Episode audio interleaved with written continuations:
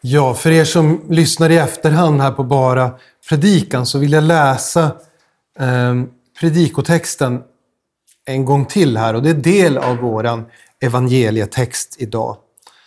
Det är Matteus evangeliets andra kapitel och så börjar vi läsa i vers 7. Då kallade Herodes i hemlighet till sig de vise männen och frågade nu noga ut dem om tiden då stjärnan hade visat sig. Sedan skickade han dem till Betlehem och sa, gå och sök noga efter barnet. När ni har funnit det, meddela då mig så att också jag kan komma och tillbe det. De lyssnade till kungen och gav sig iväg. Och stjärnan som de hade sett gå upp gick nu före dem, tills den stannade över platsen där barnet var. När de såg stjärnan fylldes de av mycket stor glädje. Och de gick in i huset och fick se barnet med Maria, dess mor. Då föll de ner och tillbad honom. Och de öppnade sina skattkistor och bar fram gåvor till honom. Guld, rökelse och myrra. Amen. Herre, inskriv dessa ord i våra hjärtan. Amen.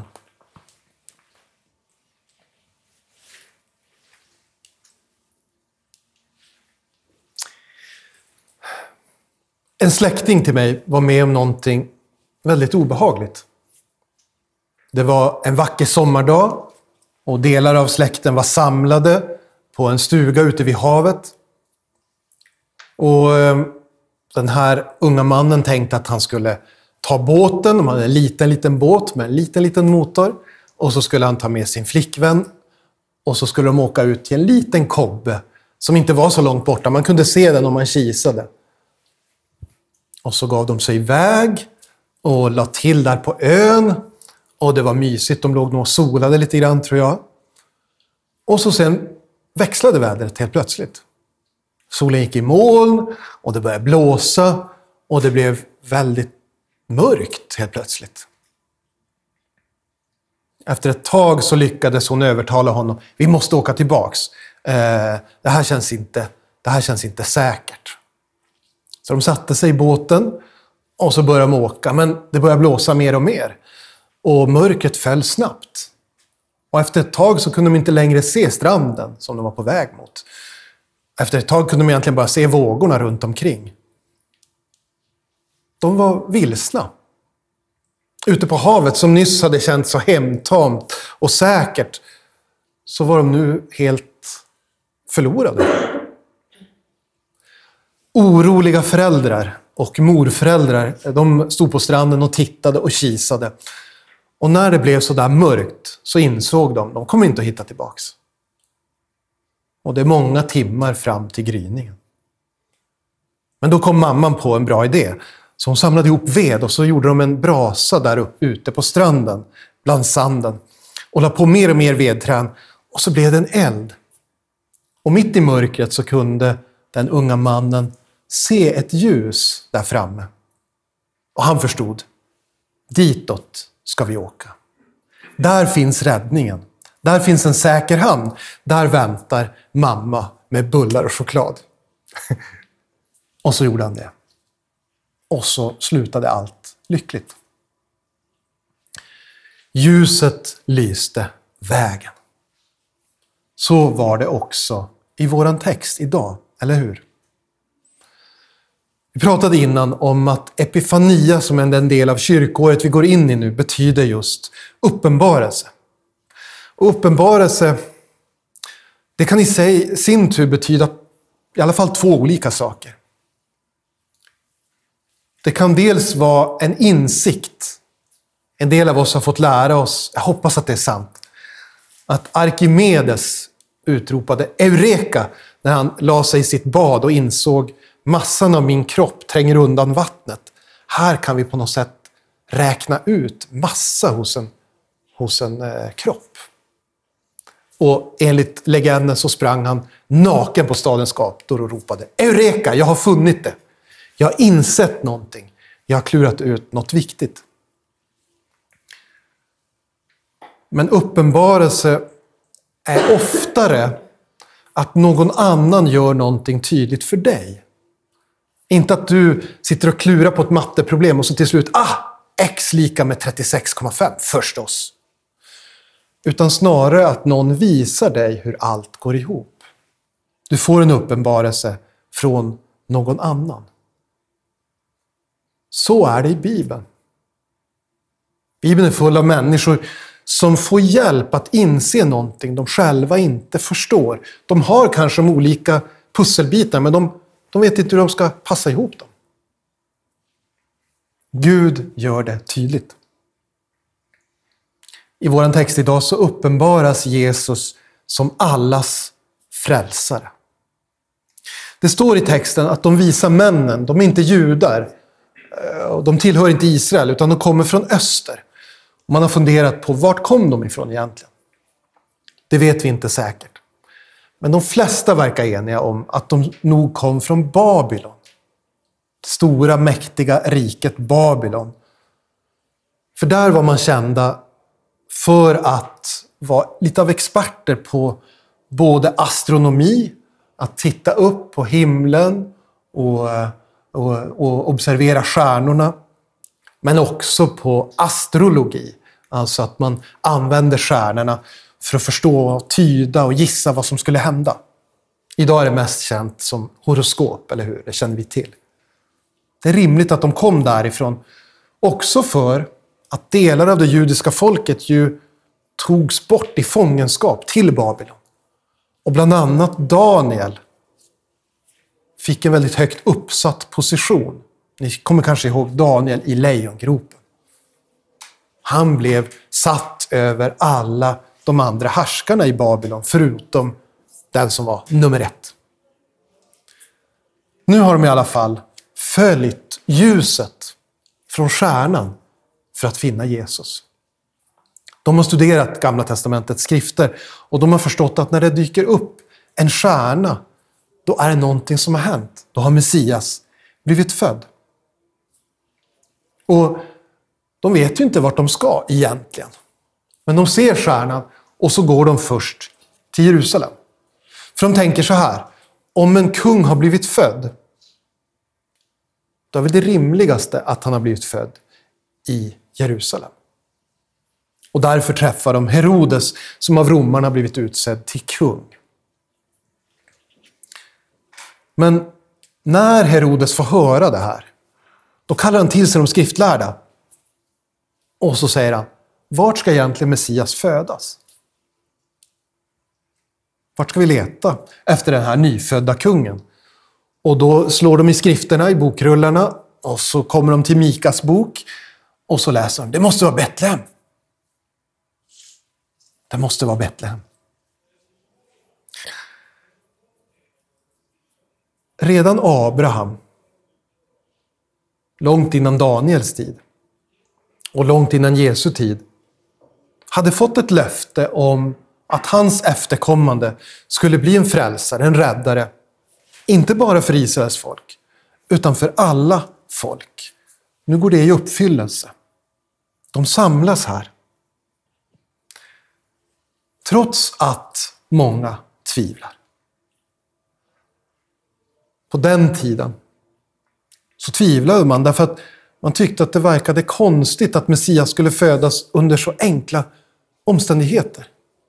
I lilla Betlehem. Att han skulle lägga sig i en krubba. Att han skulle uppfattas som, det var han ju inte, men uppfattas som son till en snickare. Att han skulle växa upp i Nasaret, det tycker man verkar konstigt. Lärjungarna, de tvivlar också ibland, därför att de har också fått höra att Messias ska befria Israel från romarna. Messias ska försvara landets gränser. Vi har fått det här av Gud, sa de. Det här är vårat. Kanans land. Och så får Jesus tålmodigt förklara för dem. Mitt rike är inte av denna världen. Trots en osäkerhet i den första kyrkan om huruvida Messias verkligen är till för alla. Och vad som egentligen gäller för människor som vill följa Jesus trots att de inte är judar, trots att de inte har fått studera skrifterna från barndomen. Vi vet att Petrus kände sig lite osäker. Kan vi verkligen umgås med hedningarna, alltså de icke-judiska kristna? Kan vi äta med dem? Det ska vi inte enligt Gamla Testamentets regler. Har de samma rätt till att tro på Jesus som vi? Och så får han en uppenbarelse om att alla folk tillhör Guds folk. Och att allting är tillåtet att äta. I början, i de tidiga kristna församlingarna som grundades redan under Bibelns tid, så var man lite osäker. Borde inte nya kristna som kommer från andra folk än det judiska omskära sig? Manlig omskärelse för alla, det kan väl vara ett minimikrav. Det, det gör ju att vi känner en gemenskap. Och så får man studera Jesu ord. Och så får man fundera i bön över vad som är Guds vilja. Och så har man ett kyrkomöte. Och så kommer man fram till att även omskärelsen är del av det gamla förbundet. Och att Jesus är till för alla folk. Trots den här osäkerheten som råder kring vem är Jesus till för? Så uppenbarar Gud på olika sätt, gång efter gång. Jesus är till för alla. Och visst finns det någonting sorgligt ironiskt i att Herodes och de skriftlärda de blir oroliga över budskapet om att Messias är född. Medan de vise männen från förmodligen Babylon blir jätteglada. Jesus uppenbaras som allsmäktig frälsare. Det är klart att Maria och Josef, de har ju redan fått mycket undervisning och uppenbarelse redan vid Jesu födelse. Vi läser ju under, på julevangeliet om hur herdarna kommer och vittnar och säger vi har fått en uppenbarelse av en ängel att, att Messias ligger här, är eran son. Men nu kommer också visa män från ett helt annat land, en helt annan kultur och besöker det lilla barnet. Ofta när vi ställer upp en sån här julkrubba eller när folk avbildar de vise männen så gör man det vid ett stall och tänker sig att Jesus och Maria och Josef är kvar i stallet. Men texten idag står det att de kommer till ett hus. Och det rimliga är nog att Josef har fixat bättre, bättre husrum än vad de hade under julnatten. Det är nog några veckor efter Jesu födelse, förmodligen. De vise männens besök, det är ett tecken att Jesus är allsmäktig frälsare och inte bara det lilla barnet. Långt senare, vid bröllopet i Kana, så gör Jesus sitt första under. Förvandlar vattnet till vin. När hans mamma har tjatat lite grann på honom. Vid Jesu dop, som också är del av Epifania, den här delen av kyrkoåret, då får vi också en uppenbarelse om vem Jesus är. Johannes döparen ser honom komma, så säger han, se Guds lam som tar bort världens synder. Den som dör en gång för alla, så att vi inte behöver dö. Så att vi inte behöver offra för att påminnas om att syndens lön är döden, utan istället bara se på korset. Och vid Jesu dop så sänker sig den tredje personen i gudomen, den helige Ande, som en, som en duva över honom. Och så hör de en röst från himlen Fadern talar och säger, du är min älskade son. I dig har jag min glädje. Jesus är allsmäktig frälsare. Och vi får se det när vi läser evangelierna, så får vi se många tecken på hans makt och kraft. Vi läser om hur han går på vattnet. Vi läser om hur han stillar stormen. Min kusin hade nog gärna velat ha den hjälpen när han var ute på havet där. Hur han stillar stormen. Vi får se hur han uppväcker döda. Inte bara Lazarus, utan änkans son i Nain också. Men hans makt, hans allmakt, är inte det enda vi kan glädja oss åt. För makt i sig kan ju vara lite skrämmande också. Vi har en allsmäktig frälsare som har kommit, inte för att regera bara, inte för att döma, säger han, utan för att rädda. Vi har en frälsare som lyser upp i vårat mörker. För ibland, ibland är det så. Ibland känns det mörkt, inte bara rent fysiskt mitt i den svenska vintern, utan känslomässigt. Kanske andligt. Man kan känna sig vilsen.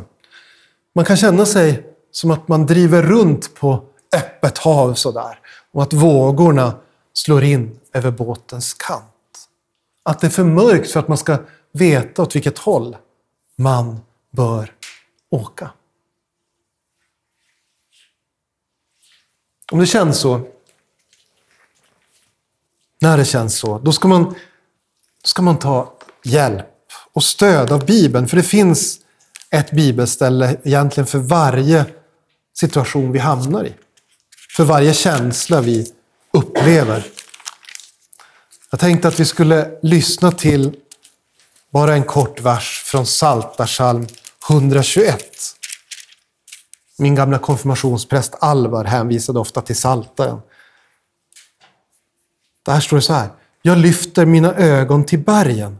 Varifrån kommer min hjälp? Varifrån kommer min hjälp? Och så fortsätter det. Min hjälp kommer från Herren som har skapat himmel och jord. Vi kanske inte har alla svar.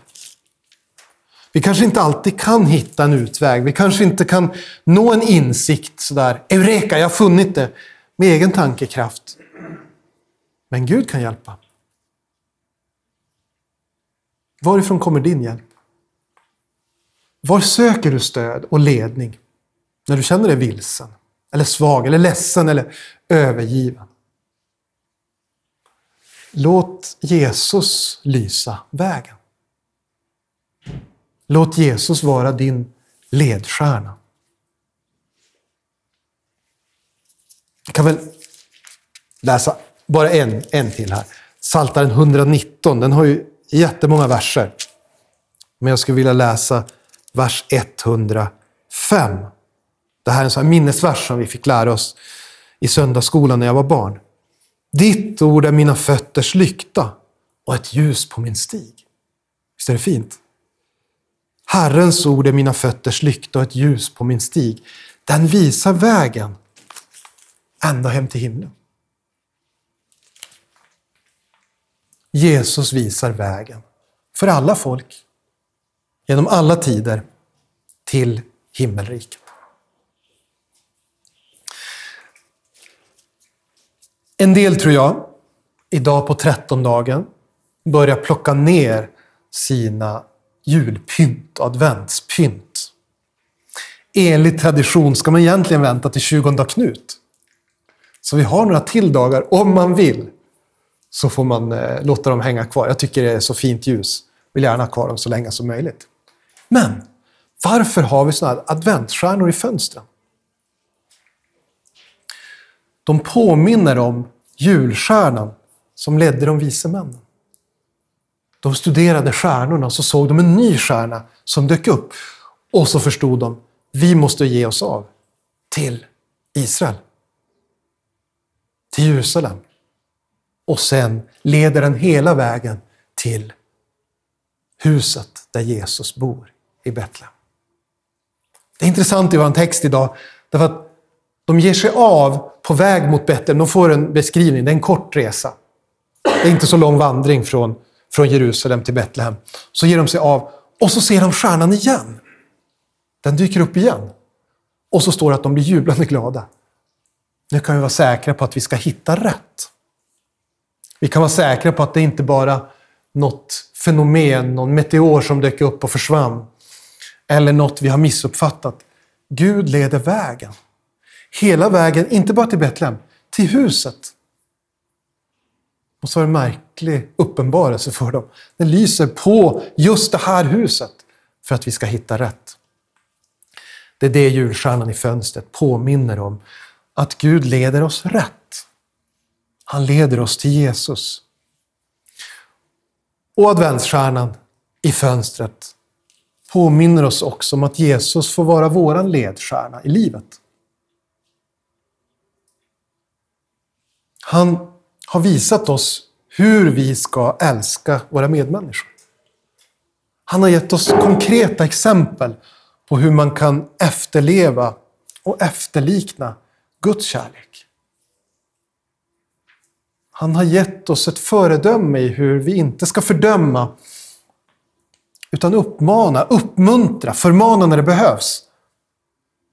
Men också förlåta, inte sju gånger, utan 70 gånger sju. En ledstjärna för oss, det är Jesus.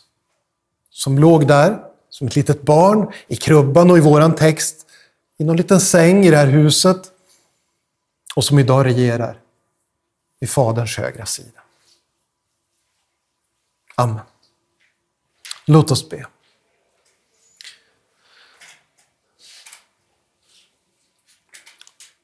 Kära Herre Jesus.